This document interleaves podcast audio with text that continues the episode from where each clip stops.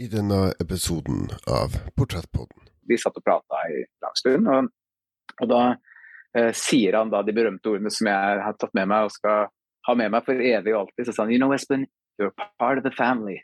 okay. Så det, den smykker jeg meg med da, i ny og ne. Når, når, ting er litt trått, så tenker jeg i familie med, med Queen. Du hører på Portrettpodden med Mats Lasseangås.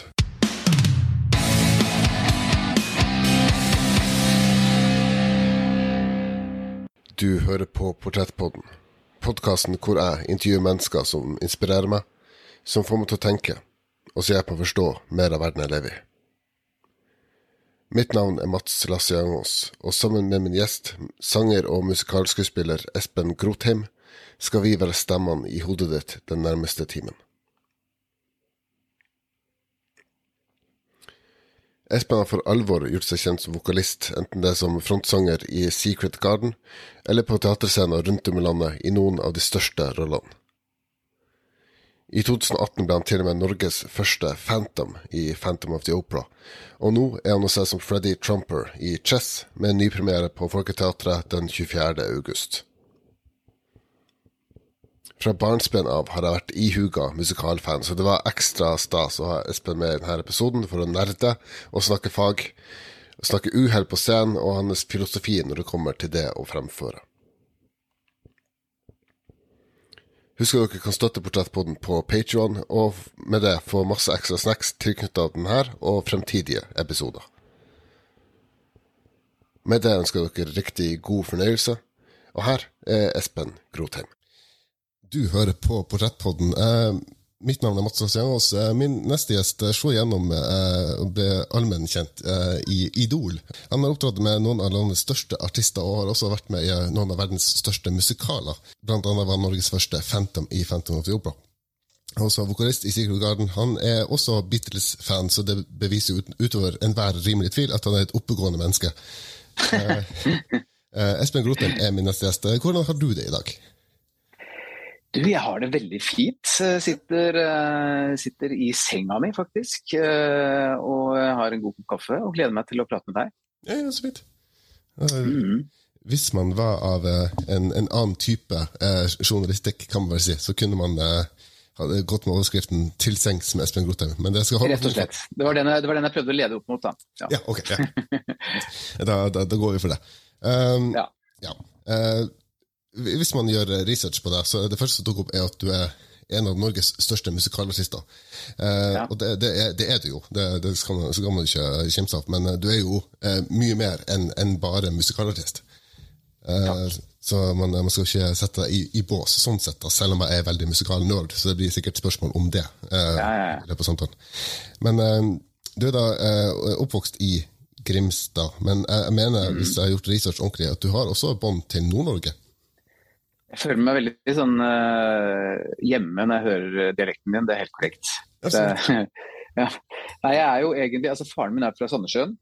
Ja, okay. eh, og så eh, flytta han og moren min til Bodø og ble lærere der, og da, da ble jeg født. Så jeg bodde de første årene av mitt liv i Bodø, og så flytta vi til Grimstad da jeg var tre ca. Okay. men det var lenge nok til at jeg hadde liksom, jeg, altså jeg prata flytende bodødialekt. Mm. Uh, og derav den litt sånn kanskje uh, det klassiske spørsmålet ofte får hvorfor har ikke du gripsdialekt? Ja. Og det er vel fordi at i en eller annen sånn kjemisk sammensetning av Bodø-dialekt og gripsdialekt blir nøytral uh, østlandsk bokmål, på en måte. Ja. Så det er ikke noe at jeg prøver å late som jeg er finere enn jeg er, men det, det, det bare ble sånn. ja. Jeg skulle egentlig komplimentere deg på at du, du prater jo veldig pent. Um, men det, det, det, nei, det er, det er, bare en skade. Art by accident. Mm, ok. Ja. det, det, er fint at uh, du har litt, uh, litt nordnorsk i deg. Det, alt, alt ja, ja, men dette, det høres ut som en sånn, sånn teit frieri, men altså, sannheten er at hver gang jeg er i Nord-Norge, enten jeg er på liksom, turné eller på tur eller hva som helst, mm. så, så, kjenner jeg faktisk at det er, det er en slags sånn jeg, føler meg nær eh, de menneskene. Uh, så det, det, jeg tror det er fordi og halve slekten min er jo fra Nord-Norge. ikke sant? Så det er jo det, det, det, føles veldig riktig å være der. Og, og jeg trives veldig godt blant nord nordlendinger. ja, så fint. Det, lover godt for denne samtalen. Ja, ja. ja foreløpig lover det veldig godt. Ja, så fint. Uh, hvis jeg ser ut av, av, vinduet mitt, da, så er det veldig, veldig grå og tung og, og trist dag i Nord-Norge. Så det er, det er kanskje like så greit å være nede i Oslo. Ja, Hvor er det du holder til i Nord-Norge? Jeg er i, Tromsø. Du er i Tromsø, ja. ja, yes. ja. Fantastisk by. Ja, det, det er jo det. Uh, ja. jeg har bodd mange år Jeg bodde tre år i Tyskland. Nettopp ja. flyttet hjem igjen. Så. Godt å være, godt å være hjemme. Uh, men det, det, bringer meg også til uh, litt, litt sånn, sånn, sånn, kombinasjon av uh, litt veldig spesifikk research og promotering. i at Sist gang jeg så deg på, på, scenen i Nord-Norge, da, vel å merke, var ja. i Chess. Mm, du så den, ja? Ja, ja, ja. Det, ja, ja. det var jo ikke i går nødvendigvis, men den, den, den Ikke akkurat i går? Men, ja, Den sitter eh, faktisk hos meg også. Det, det, var en stor opplevelse for absolutt alle som er involvert, tror jeg. Mm. Uh, og um, det at det ble gjort som en del av denne chess-olympiaden, eller hva de kalte det, som var i Tromsø, gjorde at man som jeg har forstått det, hadde litt ekstra å gå på i budsjettene. Ja. Så det ble jo liksom den drømmekonsertversjonen da, som man alltid bare har liksom tenkt Tenk hvis man kan liksom gå så, så heftig til verks og bare kjøre full sånn Rolling Stones on tour-size, uh, liksom. Ja.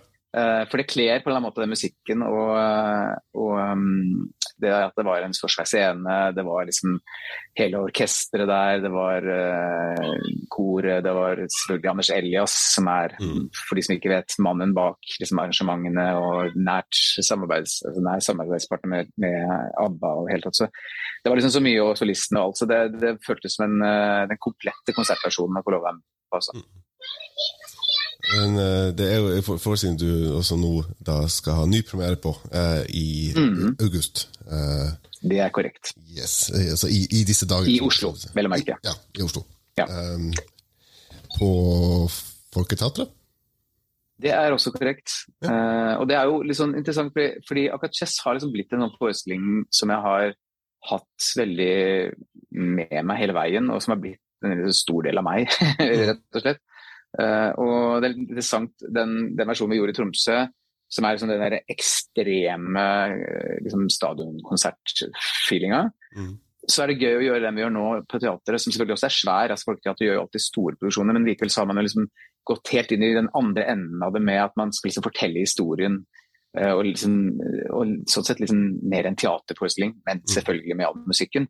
Men det har jo vært litt av problemet til Chess kanskje gjennom helt fra dag én, er jo at musikken er helt fantastisk, men folk var liksom Men hva er det egentlig den handler om? Altså Det er noe kalde krigen, og det er noe eh, kjærlighetshistorie og noe greier, men hva er det, hva er det egentlig her?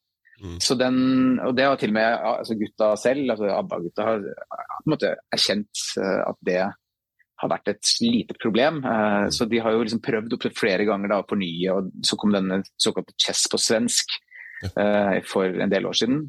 Hvor de fikk en ny mann inn som bearbeida veldig historie og gjorde oversatt til svensk osv. Noe ny musikk osv. Da er det jo liksom den versjonen vi har uh, tatt utgangspunkt i når vi gjør det på Folketeatret.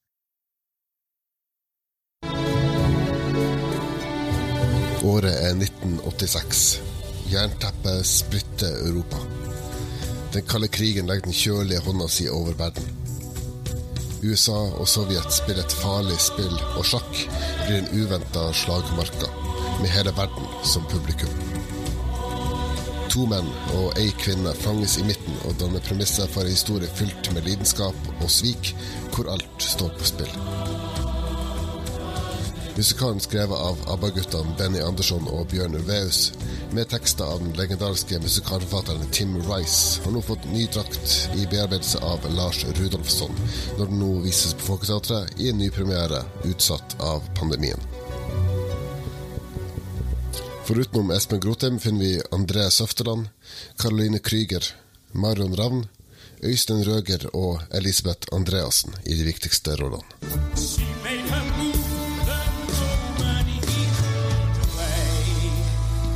history.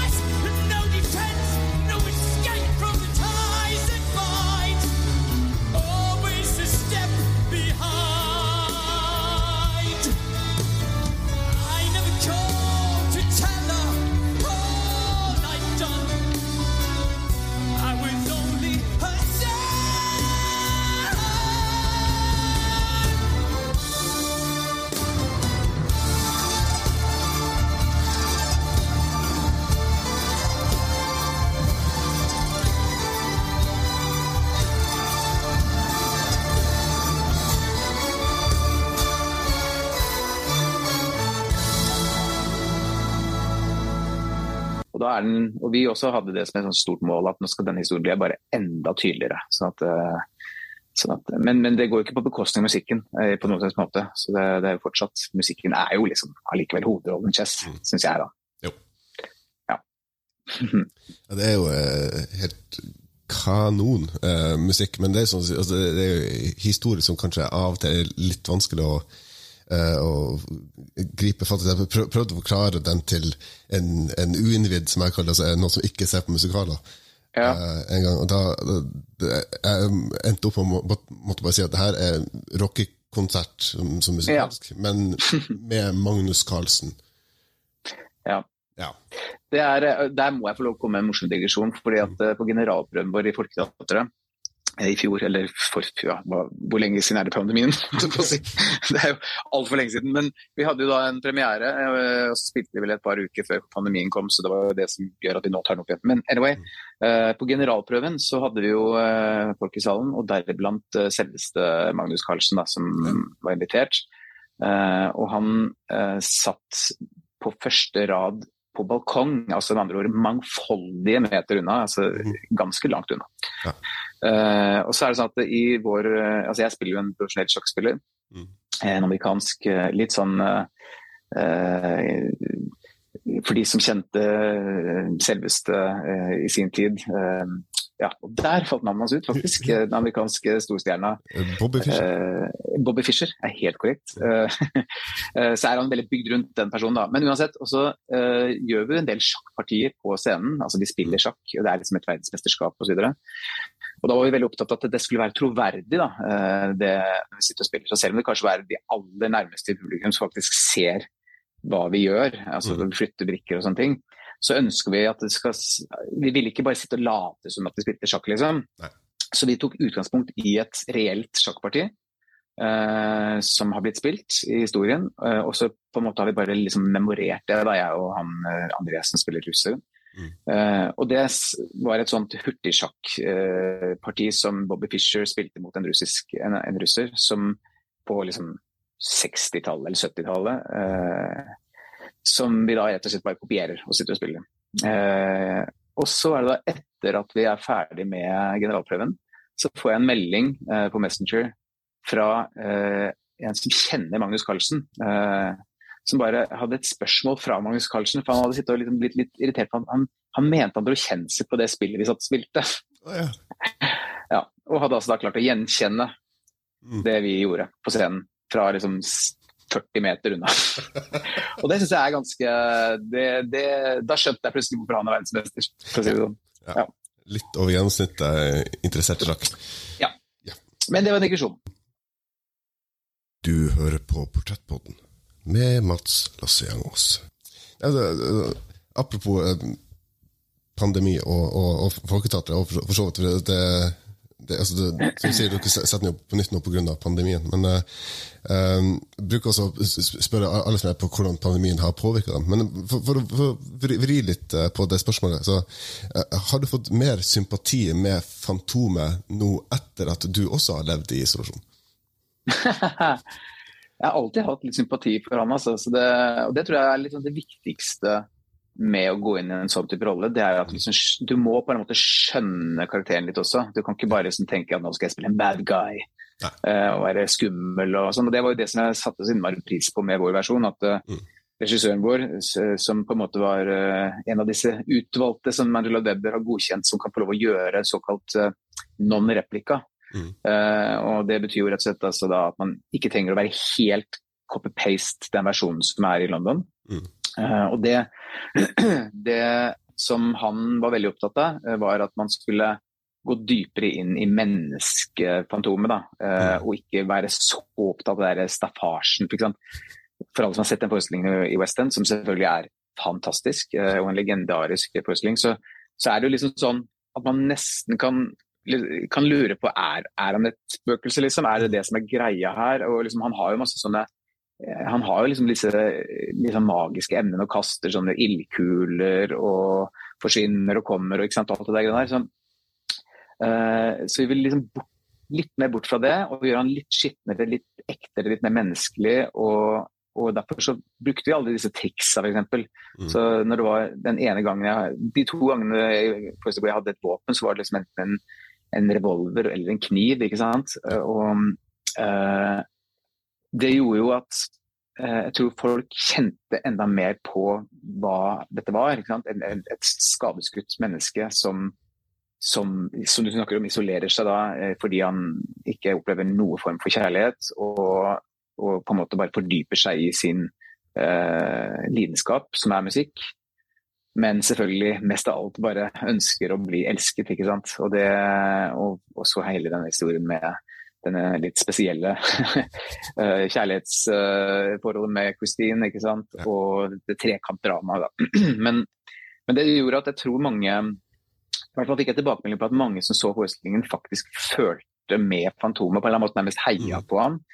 Uh, og det er jo litt spesielt å gjøre med en som i prinsippet er massemorder. ikke sant? Jo, han, han, gjør jo mye gærent, men, men, jeg tror det er så vondt da, uh, det der, å liksom se et menneske som bare egentlig vil bli elsket, og som blir desperat. ikke sant? Og det, så å få lov å liksom gå inn i forestillingen på den, eller historien på den måten, det syns jeg var veldig kult. Så, så, ja, for å svare på spørsmålet, så, så, så er det liksom jeg prøvde å kjenne etter, på å ha sympati med han, og det fikk jeg på en eller annen måte.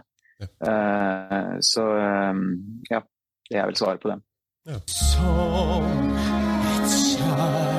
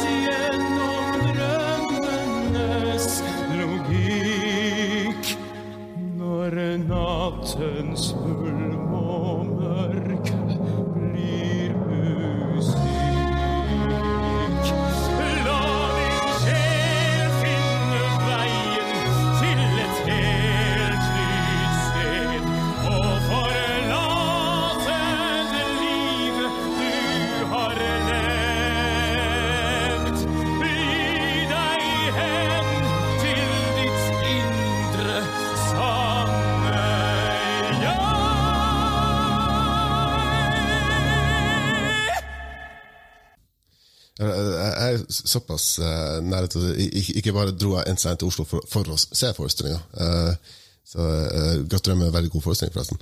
Uh, Takk. Men, jeg, dro også min, min, far med til Paris da jeg var 16. Ja. Han var jo opptatt av Hamsun og historie. Og sånn. Det, og det er en veldig fin by, veldig mye historie. Det eneste jeg egentlig var mm. interessert i, å dra på operahuset. Mm. så det, det, det, gjorde vi. Jeg vet ikke helt hvor interessert han var i det, men jeg var jo sånn unge på julaften og så lyset ja, ja, ja. ja, ja, ja, ja. Så det, det, altså, vi ligger liksom på, på, på det, det, nivået. Ja, ja.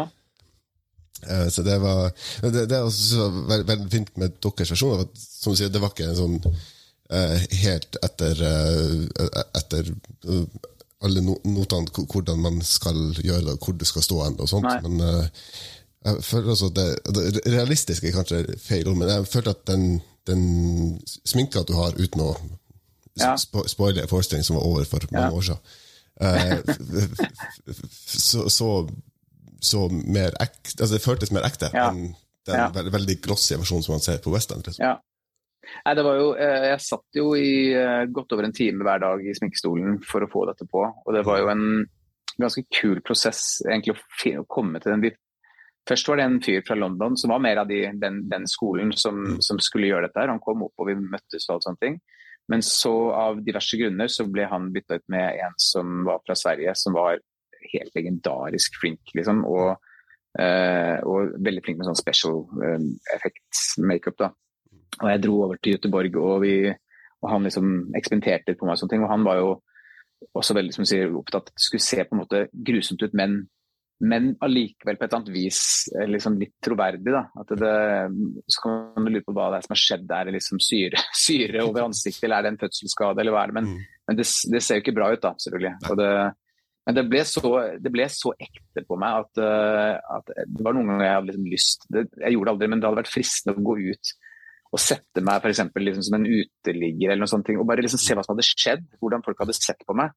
Uh, for det er jo liksom det, det hadde gitt meg sikkert kanskje enda mer opplevelse av hva han ble utsatt for. Da, ikke sant? Det At mm. folk bare blir skremt eller løper av gårde eller bare nekter å se på deg. Det, er jo den, det er jo den følelsen som er så spesiell, da, når du har en, en sånn slags hemsko som det han hadde med, med det ansiktet.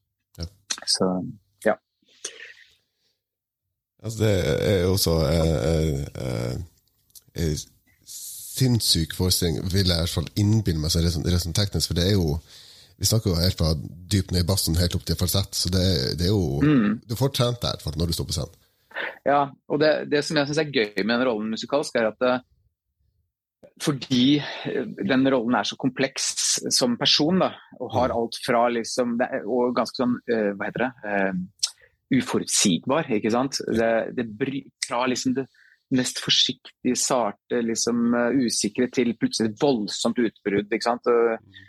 Um, det føler jeg blir, som, på en måte, blir så uh, underbygd da, av nettopp det du sier der. At det er sanglig så variert. Mm. Uh, og jeg prøvde å strekke det så langt jeg kunne. Det liksom, for det finnes jo noen som gjør den veldig sånn operatisk fra begynnelse til slutt. ikke sant? Og selv om den har liksom en stor range, så er man liksom alltid i den operatiske verden. på en måte. Og så er det noen som gjør det mer som en sånn ren rocke-act, liksom. Uh, til og med Paul Stanley fra Kiss har gjort den rollen. liksom. Så det er jo det kan gjøres liksom på veldig mange forskjellige måter. Men jeg hadde lyst, fordi jeg har liksom vært litt, jeg er litt sånn både har ett i en fot i jeg skal ikke si operaverden, for jeg er ikke i nærheten av å være en operasanger, men, men altså litt, litt, den klassiske måten å synge på.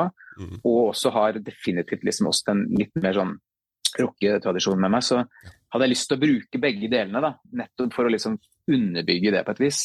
Mm. Uh, sånn at når de, noen av de verste skrikene eller, eller, utbruddene kommer, så kan man godt liksom ha litt sånn vreng på stemmen og, og liksom synge litt stygt, da, i gåseøynene. Uh, og så kan man, der hvor han er pompøs, det er mye patos, og han er liksom komponist og sånn, så kan du nesten overdrive det liksom operatiske. da. Ja. Så det var gøy å leke med liksom, hvor langt man kunne strekke det liksom, i de retningene. da. Mm. Du bruker også å prøve å skrive ned altså, hva, hva har jeg til felles med, med, dem jeg har på, så vi får liksom felles grunn for, for, å bryte isen, i, i tilfelle det skulle være, være noe eh, mm. gjøre det. Da, da, mm. Blant annet eh, noterte altså, vi, vi har eh, mest sannsynlig sunget 'Music of the Night' like mange ganger. Oi, ja. Forskjellen er selvfølgelig at du har gjort det på en scene, jeg gjør det i stua. Det... ja, men Det er imponerende. Da har du sunget mye i stua, altså. Ja, det, ja. det, det kan naboene mine skrive under på. Det har jeg gjort. Ja. ja. Så akkurat den, den, siste tonen der, det, det, tror jeg skal spare naboene mine for uh, i nærmeste framtid. Men, uh, men, det er veldig gøy. Så, ja, det er gøy. Ja, det er en av mine store Da har du sannsynligvis sunget mer enn meg i stua, for jeg synger veldig lite i stua, faktisk. Jo, men altså, jobben din er jo også å synge, så jeg gjør det bare for å ha det gøy. Så, ja, jo, ok, ja. ja. ja. Jeg, jeg, jeg, jeg, trenger liksom ikke å spare stemmen min til klokka halv åtte på kvelden. Så. Nei, ok, sånn sett, så ja. Ok, den ser jeg. Ja. Um, men, ja, men det, det, er altså en av mine aller, store, aller største drømmeroller. Eh, hvis jeg en gang i et parallelt univers blir musikalstjerne, så er det det jeg skal gjøre. Mm -hmm. um, men det, det, er også Jeg, jeg syns det, det, er vel så gøy med, med um, uh, ting som går galt på scenen, som publikum selvfølgelig aldri får, får vite om, fordi man er jo, man er jo tross alt proff. Um, ja. Og jeg vegrer meg litt for, for, for, å spørre om sånne ting, for da må man jo implisitt uh, drite ut ja, ja. For, uh, sine, sine kolleger. Men uh, jeg mener jeg leste en historie i, i et intervju du gjorde om en scene i Phantom hvor da Fantomet da, for, for de uinnvidde skal kontrollere de, de ansatte på, på sitt operahus og, og, komme med ordre om hvordan hans opera skal styres, og mm. direkte trusler hvis de ikke utfører de ordrene. Mm. Og da de brevene fra han blir lest opp. Uh, og i sånn standard oppsetning i London eller på Broadway for eksempel, så blir det uh, ofte spilt inn på forhånd, så de bare har over høyttaleranlegget, så reagerer mm. skuespillerne på det. Mm. Uh, det gjorde ikke dere, så vidt jeg vet, og det, det var ikke, kanskje ikke alltid det gikk helt etter planen. Nei, altså det, det, er helt riktig, du er inne på en, en historie der. Um, vi valgte å gjøre alt live fordi at man kan som Fantomet faktisk, som du sier, komme unna med en del ferdiginnspilt fordi er, det er en del backstage-synging. altså at man, man, Det kommer bare som sånn ekko i det fjerne. ikke sant, Eller, og, ja. og da det er klart, På en måte så er det jo fristende, fordi man spiller kanskje seks-syv show i uka, så er det jo liksom spare der man kan spare. på en måte.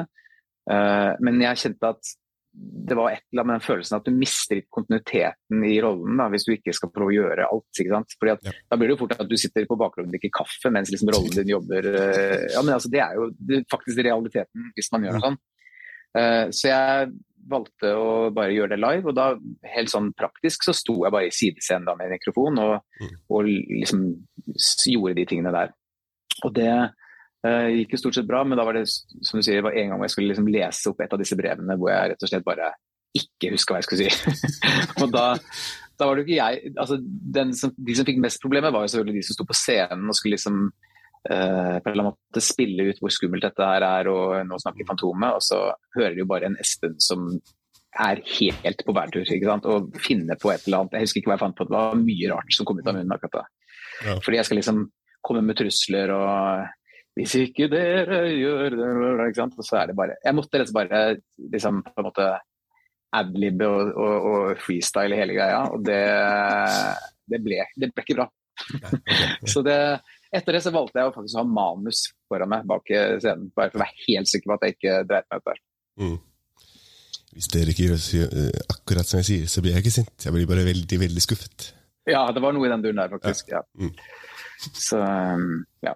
Nei. Det, men sånn skjer. Og det er jo, altså, jeg må jo si uh, Jeg har opplevd en del sånne ting. Altså, det, det er jo sjelden at man går gjennom en hel produksjon uh, hvor ikke du er borti ganske opptil flere sånne glemmer tekst eller latterkrampe på scenen eller bananskall. Altså, det er jo alltid noe som skjer.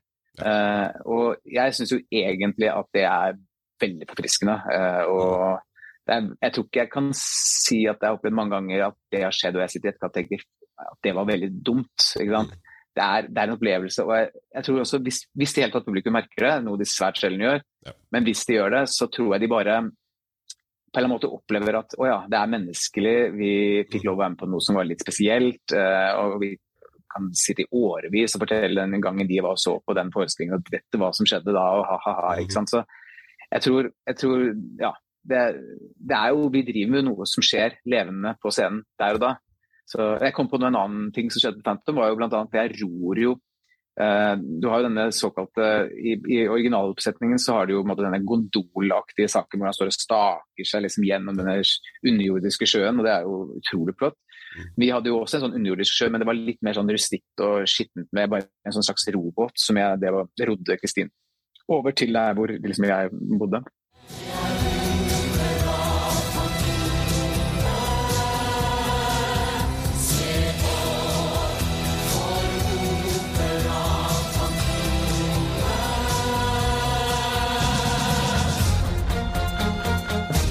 Den båten var jo da eh, sånn rent teknisk så hadde den noen slags hjul under. Eh, og den var fjernstyrt, så sto en fyr med sånn god gammeldags sånn radiobil eh, fjernkontroll på sidescenen og styrte den båten. Så den kjørte liksom sånn av seg selv, da, i hvert fall tilsynelatende rundt på scenegulvet. Og så var jo scenegulvet fylt med sånn, sånn røyk på gulvet, sånn at det så ut som de bare skrei gjennom. ikke sant? Så det så utrolig flott ut.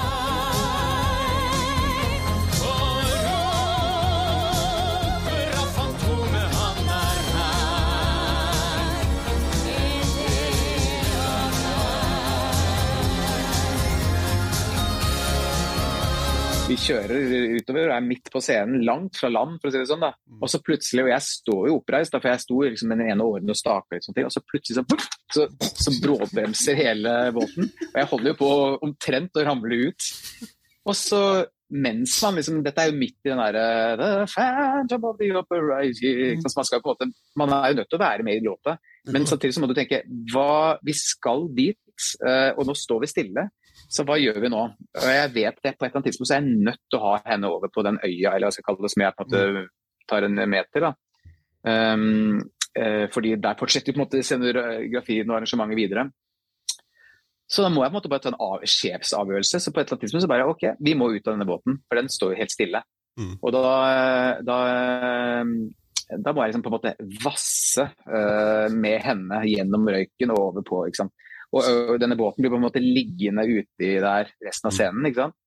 Og da tenker man jo at alle i salen dør av latter og syns dette er det dummeste de har sett. Men ikke sant? så hadde jeg tilfeldigvis noen kjentfolk i salen den dagen, og de bare Å ja, skulle ikke være sånn. Det, jeg trodde det var liksom en kul greie at han liksom løfta henne ut av båten og tok henne med over og måtte basse i land. Ikke sant? Mm. Så det er så innmari mye som skal til før folk skjønner, med mindre du liksom veldig tydelig liksom proklamerer at wow, nå gikk det gærent. Liksom. Ja.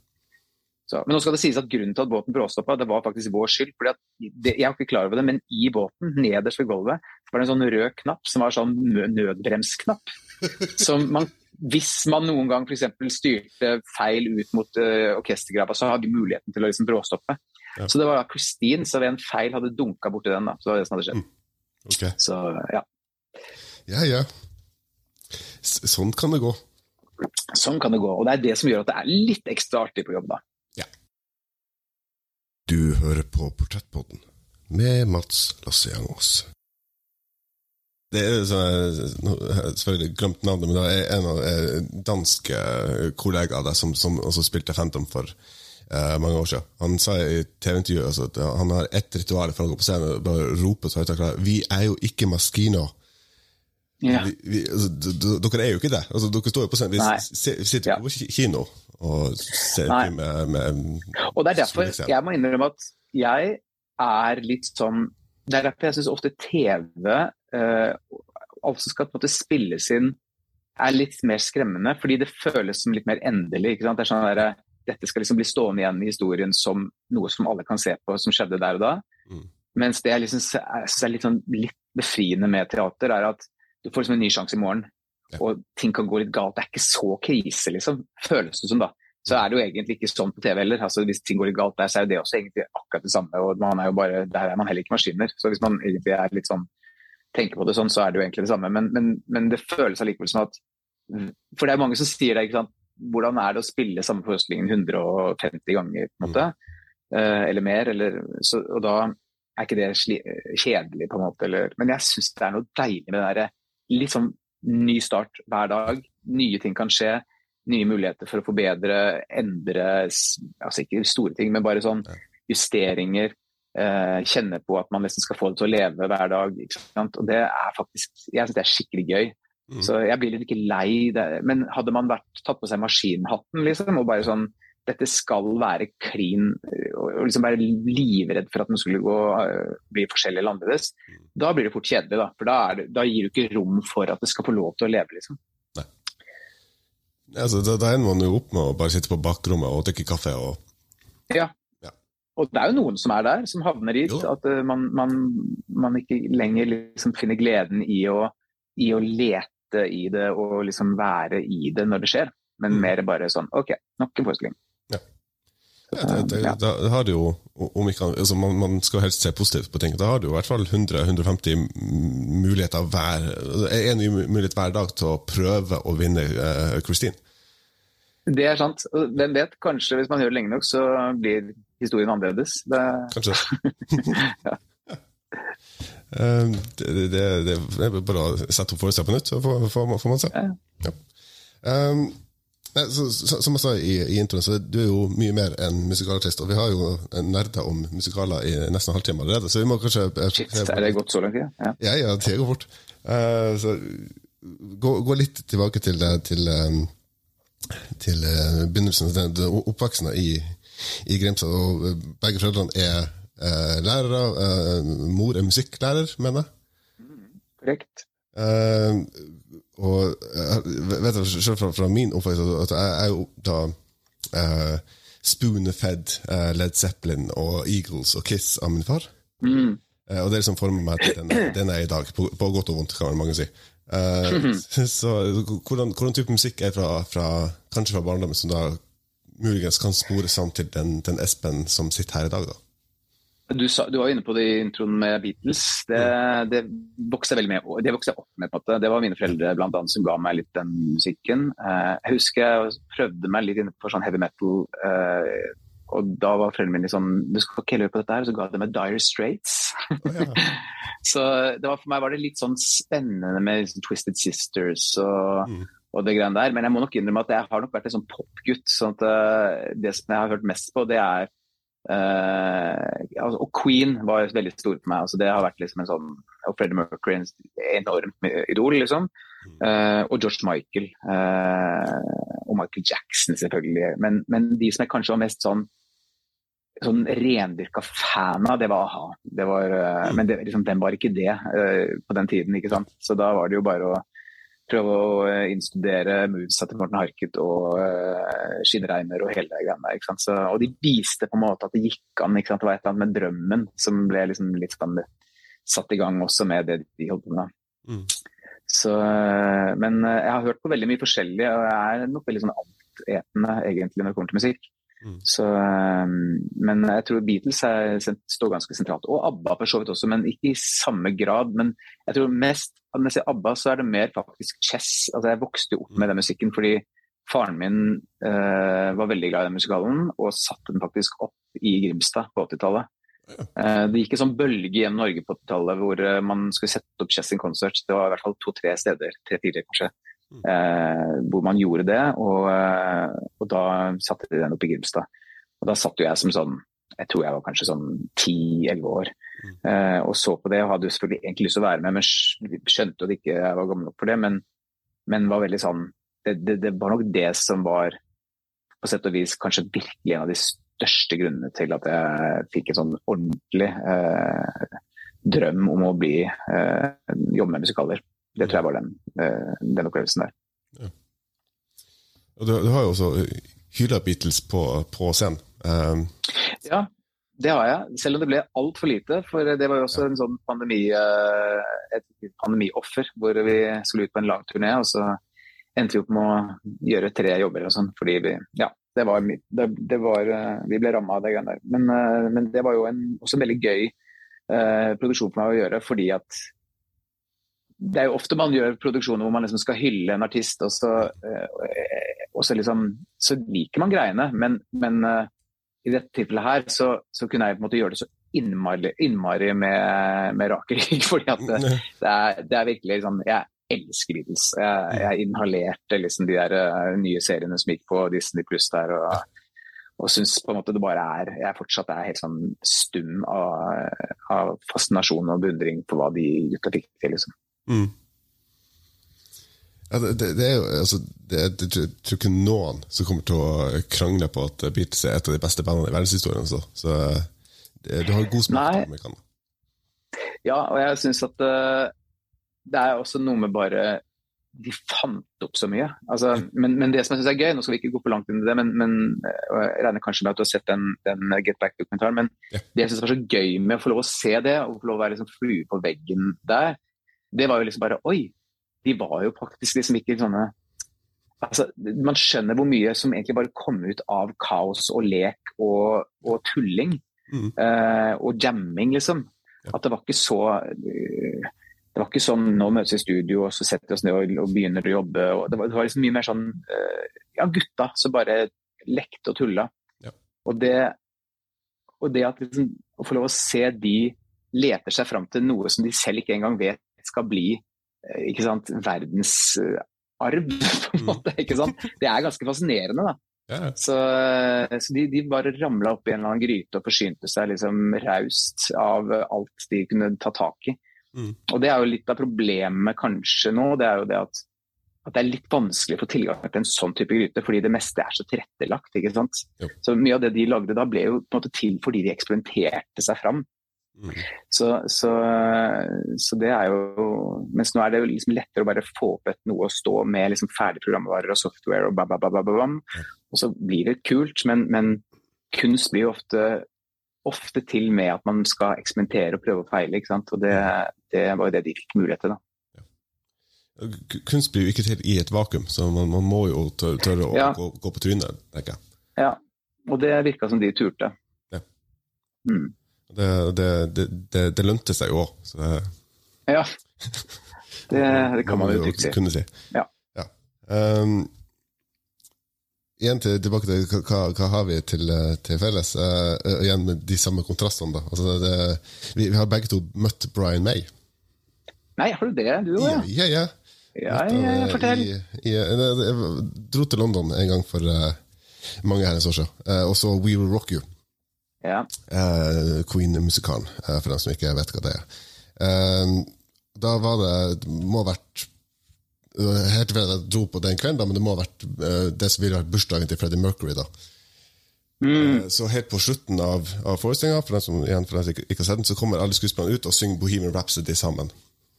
Mm. Uh, og vi går jo, uh, går jo bananas, uh, bare, bare på grunn av det. mm. Og så kommer vi til den berømte gitarsoloen.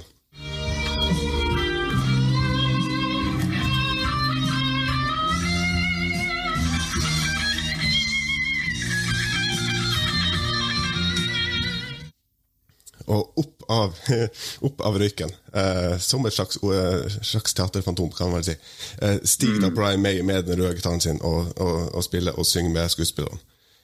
Eh, og da, da gikk jo enda mer bananas. Så det første jeg gjorde da vi var ferdige, var å springe ut så fort jeg klarte, og gå rett bak til artistutgangen.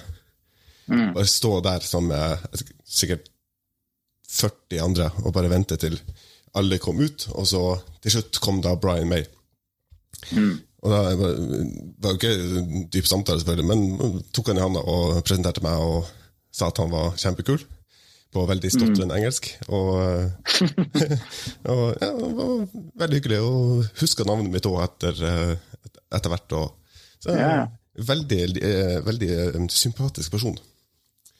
Absolutt. Eh, igjen, det er Du har jo da faktisk jobba med han. Ja, i en mer eller mindre identisk sammenheng. Uh, for det var jo akkurat i forbindelse med Rocky som vi gjorde i, også på Folketeatret. Mm. Hvor, uh, hvor, de er veldig, sånn, de er veldig delaktige i den produksjonen. så at uh, Selv om det skal settes på et annet land, så er de med i castingprosessen. Og, og bare det er jo var liksom litt sånn skrekkblanda fryd å skulle gjøre audition for de gutta der. Selv om det var jo riktignok uh, på litt sånn samme måte som dette her, over en sånn, med et videokamera. Men men uh, for meg som har vokst opp med, med, den musikken og med Queen og ikke minst Freddie Mercury, så jeg skal innrømme at jeg var litt, litt svett når jeg skulle gjøre, gjøre det for de.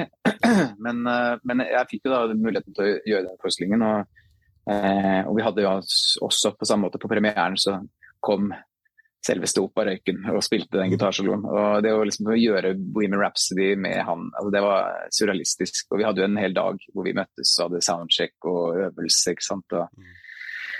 og eh, jeg måtte bare virkelig sånn klype meg i armen opptil flere ganger. Fordi eh, det er ganske Jeg kunne, jeg kunne sikkert fortalt mye mer om det, men, eh, men altså det det som kanskje var minst like stor opplevelse for meg, var at for ikke så veldig mange år siden så kom de tilbake igjen til Norge med Queen for å gjøre en sånn ja, en konsert eh, med da han Adam Lambert, ja. som er liksom, ny vokalist, eh, på Telenor Arena. Og da fikk jeg mail eh, fra Jim Beach, som er manageren til Queen, mm. eh, som lurte på med, Brian May lurte på om jeg hadde lyst til å komme på konserten og komme og møte etterpå, i backstage, liksom. Ja, så da, Det sier man jo ikke nei til. Selv om det faktisk var midt i prøvetiden til Phantom, så jeg var litt sånn der, egentlig sånn, jeg gjør ikke noe annet nå enn å øve, men man drar selvfølgelig. Ja. Så da etter konserten så, så ble jeg liksom leida inn bak, og så inn på i garderoben til Brian May. da. Og det var virkelig sånn Der satt han med en øl og helt nedpå, liksom. Og vi satt og prata i lang stund. Og, og da eh, sier han da de berømte ordene som jeg har tatt med meg og skal ha med meg for evig og alltid. Så sa han You know, Espen, you're part of the family. okay. Så det den smykker jeg meg med da, i ny og ne. Når, når, ting er litt trått, så tenker jeg i familie med, med Queen. Mm. Så, men det som var litt morsomt, da, var at da spurte han bl.a. Ja, hva, hva gjør du om dagen, liksom? Så sa jeg nei, as we speak, så, så prøver jeg på Phantom the Opera, som jeg skal, som jeg skal gjøre. Og han liksom oh, wow, gjør du den, gjør du den rollen? You know, Freddy was asked to do that role. uh, og liksom kunne fortelle litt sånn bakomhistorie om at han ble ofra, eller ofra, hva heter det, offert, altså han ble tilbudt rollen som Fantomet i West End, men, uh, men uh, han, og han hadde egentlig veldig lyst Nei, jeg kan jo bare levende forestille meg han gjøre den. Det er jo helt sånn Tenk at verden ble frarøva muligheten til å se det. Liksom. Men, men, men, men, han hadde, det hadde endt opp med at han følte det ble for altoppslukende. Da, fordi de, da var det liksom seks-syv show i uka, og ja. det hadde han ikke kapasitet til. Så han tatt, sagt nei til det. Men det var bare et eller annet med å sitte med Brian May og diskutere på en sånn helt så triviell måte at både jeg og Freddy hadde liksom vært borti den. Så det føltes veldig rart og ganske fett, rett og slett. Ja, ja. Så, ja. Men jeg kan, jeg kan, være helt enig i at han er en over snittet hyggelig person. Ja. Uh, det, det, det, det også kryper seg, ja, men Du har jo gjort uh, veldig uh, mye man, man, kan misunne deg i løpet av karrieren. altså, som, jeg, som jeg misunner deg. ja, ja, ja, men det er hyggelig, hyggelig, å høre det, på en måte. ja, så, altså, Ikke bare du familie med, med, med, med, Queen, men du er også vokalist i Secret Garden. Mm. Og har reist rundt om i hele verden. og hadde en litt uh, interessant massasjeopplevelse i Asia. Det, det trenger ikke nødvendigvis å Ja, Du har fått deg den, ja? ja det synes jeg er morsomt ja, ja. å ha hørt. Uh, sånn, jeg gjør research, så gjør jeg ordentlig research. ja, da, du har virkelig researchen din, altså. ja, ja, ja. for, for, for, å ta kortversjonen, altså, de, de er veldig grundige uh, i Asia. Ja. Ja. ja. de er veldig grundige. Ja. ja. Uh, det er tatt bokstavelig talt litt på senga. Det, men, men, det, men, jeg har lært. Mm. Ja. Um, så det er gøy at det var det som var det Sigurd Garden skulle handle om. liksom. ja, altså, ut av kontekst høres det kanskje videre til neste, videre til neste punkt. ja. ja. ja altså, det, det, det, det, er et av de, de, de eh, største bandene i, i, i, min bok, i hvert fall. Uh, så, ja. men, og, du, du, jeg tenker, altså, eh, Miljøet i Norge er kanskje ikke like stort som det er i resten av verden, så man blir kanskje lettere kjent med folk. Men, men hvordan, hvordan, blir det da tilbudt en, en, sånn jobb som vokalist i Sigurd Gaard? Kortversjonen er at uh, for ganske mange år siden, det var vel i sånn 2005 eller noe sånt, så får jeg en telefon fra Rolf Løvland som jeg på det tidspunktet ikke kjente, annet enn liksom sånn, at vi kanskje var på hei hvis vi møttes. liksom. Men um, Uh, som kunne fortelle at for Da hadde sikkert Garden vært i en liten sånn, egentlig en slags pause, nesten, nesten nedlagt, liksom. Mm. Uh, men så hadde de bestemt seg for å dra fram, eller lage en ny plate som skulle være rett og slett mer vokalbasert. da. Ja. Så De tok tak i gamle låter og fikk satt tekst på det. Og, og inviterte ti vokalister inn til å være til å synge disse låtene. Um, og da ringte Rolf meg veldig fordi at han lurte på om jeg kunne tenke meg å komme i studio og hjelpe han litt med å synge på en del demoer og sånn. Altså, ting som han skulle presentere videre ut i verden til forskjellige artister som potensielt skulle gjøre det. sånn. Så jeg, da, da, var ikke i mitt hode jeg egentlig en sånn slags kandidat for å synge i det bandet. Det var mer som en musiker som ble hyra inn for å synge på demoen. liksom. Ja. Uh, som i seg selv for meg bare var ganske svært, fordi at jeg så så innmari opp til Rolf Løvland. Mm. Uh, og så dro jeg i studio og, og gjør tre-fire av de låtene som på en måte er på den plata. da. Uh, Deriblant en låt som heter My Land. Mm. Uh, og uh, det jeg ikke visste, var at Rolf hadde egentlig allerede da en, en liksom hemmelig plan om å bruke meg til den låta, men han hadde vel kanskje liksom ikke lyst til å lansere det før han var helt sikker. på en måte. Uh, så, men, men da, da, gjorde vi jo blant annet Myland, og det, den demoinnspillingen, da, for å si det sånn, det er den som er den som ligger på den plata. Så det, det, er på en måte den originale Første gang jeg synger låta, er den man hører på den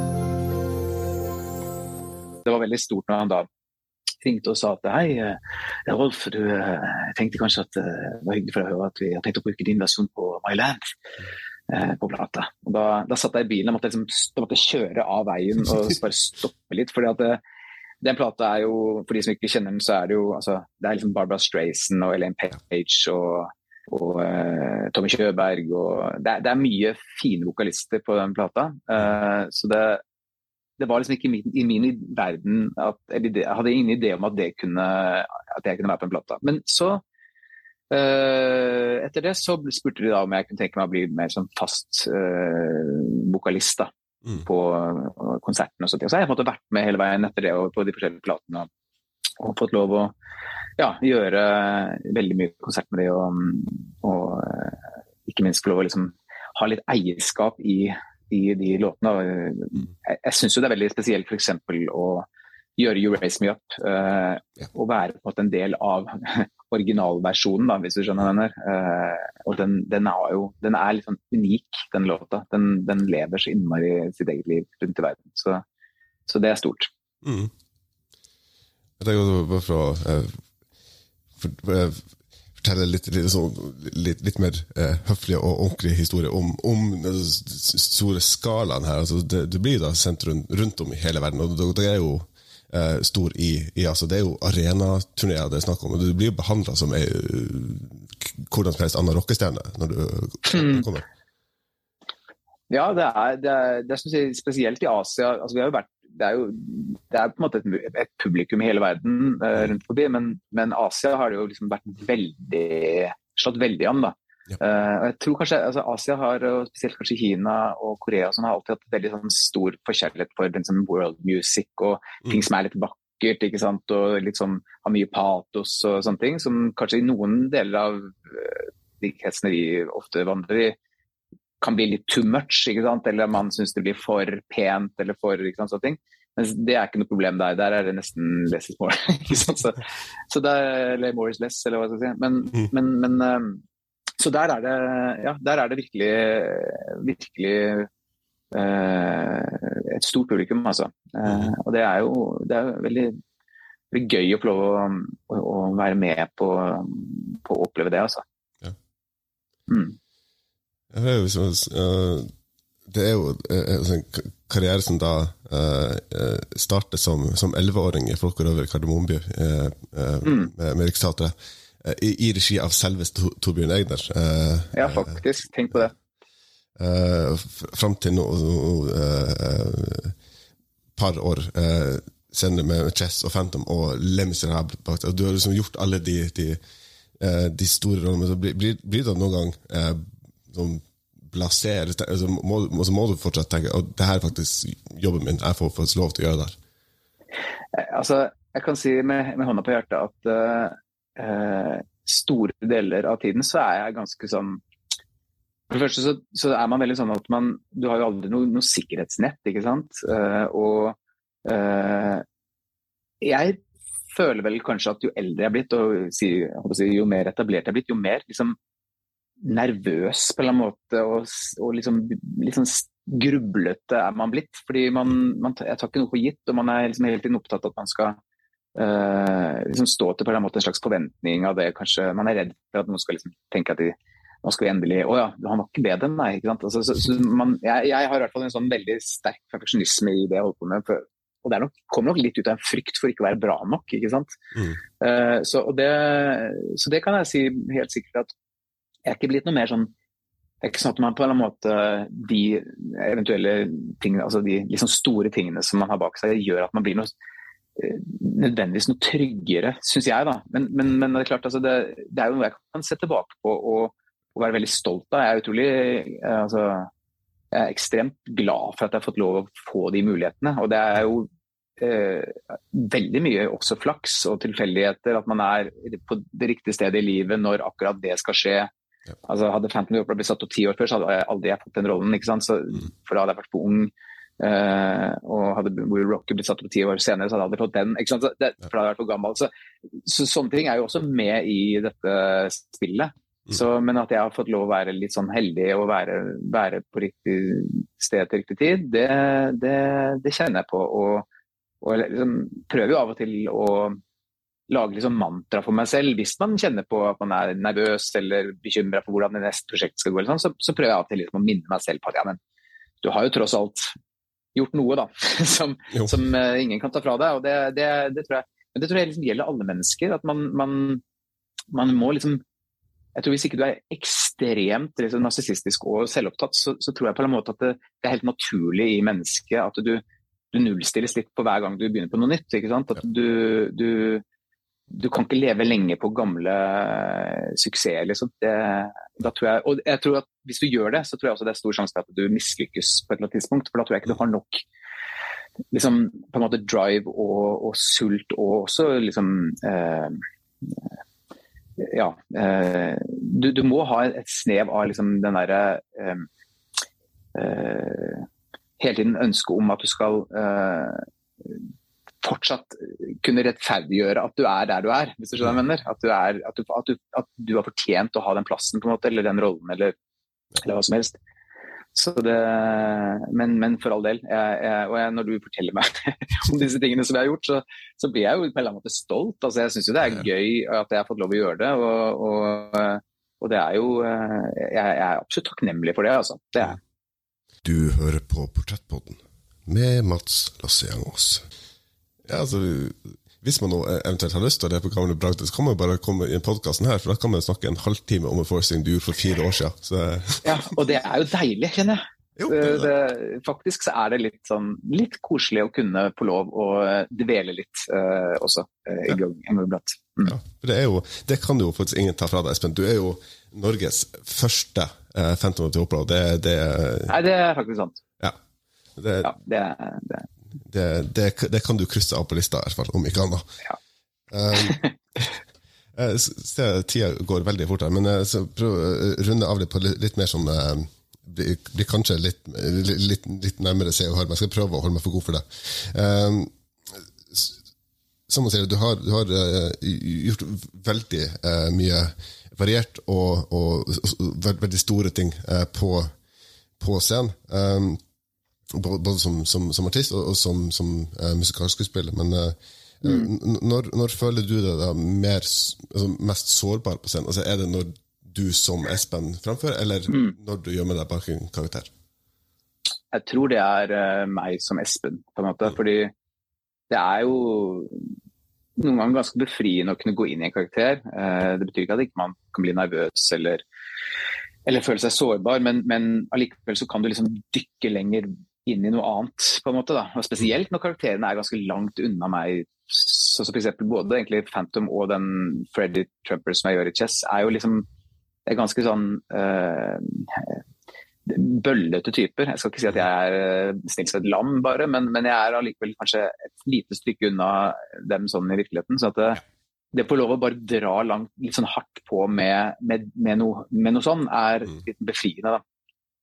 Uh, så ja, jeg føler meg nok mer sårbar når jeg gjør konserter som meg selv. Eh, men eh, samtidig så tror jeg nok at når det først funker, på en måte, da, når først jeg kjenner at de gangene hvor det føles uh, som man er på en Man kommuniserer, klarer å kommunisere med publikummet sitt, og, og, og, og, det blir en fin opplevelse, så, så, er det kanskje nesten noe av det flotteste man kan gjøre. Da. Ja. Det, men det, sånn er det ofte. at liksom, det som koster mest, eh, er ofte det som kan eh, liksom, gi størst premie òg, når det først mm. føles som det går riktig. da. Ja. Helt sant. Og det, helt sånn, uh, avslutningsvis, før jeg, før jeg uh, lar det gå så Igjen tilbake til hva har vært til felles. Altså, vi hadde uh, to to drømmeroller i uh, til felles. Da, da uh, Jean Valjean i Le Miserable og, mm. og Phantom i Phantom Opera. Når, når, du mm. har gjort begge, kan stryke dem av lista. Mm. Fram, fram til neste gang. men, men, men er det da noen, noen, store drømmeroller som, som, gjenstår på lista, som du ikke har hatt mulighet til å gjøre enda? Ja, det er det helt sikkert. Jeg har jo på en måte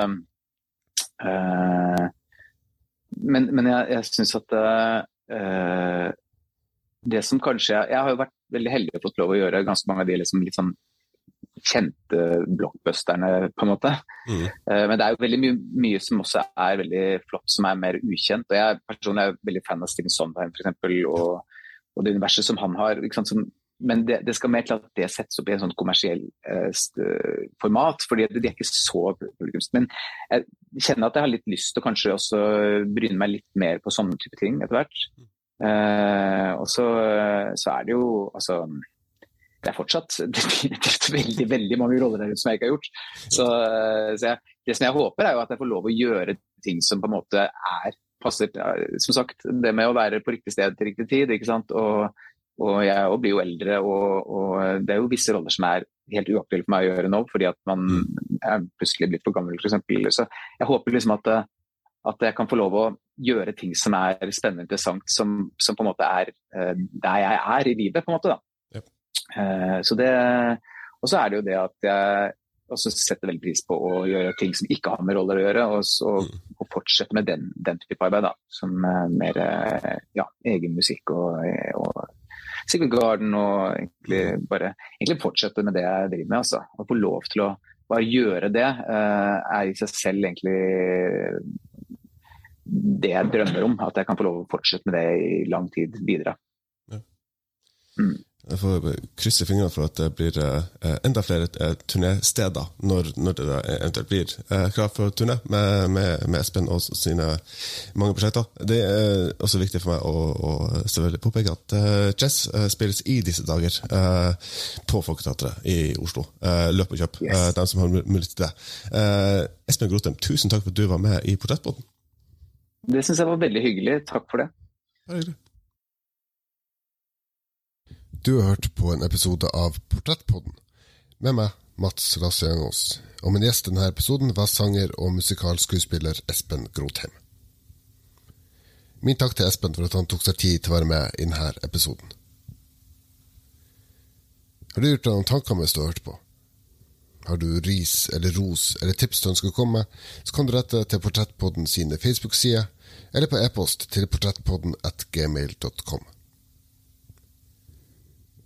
I denne episoden har du hørt lydklipp fra forestillingen Chess, her fremført under sjakk-OL i Tromsø, i konsertversjon produsert av Arktisk Filharmoni, og Phantom of the Opera, med tillatelse fra Folketeatret og produksjonsselskapet Scenekvelder.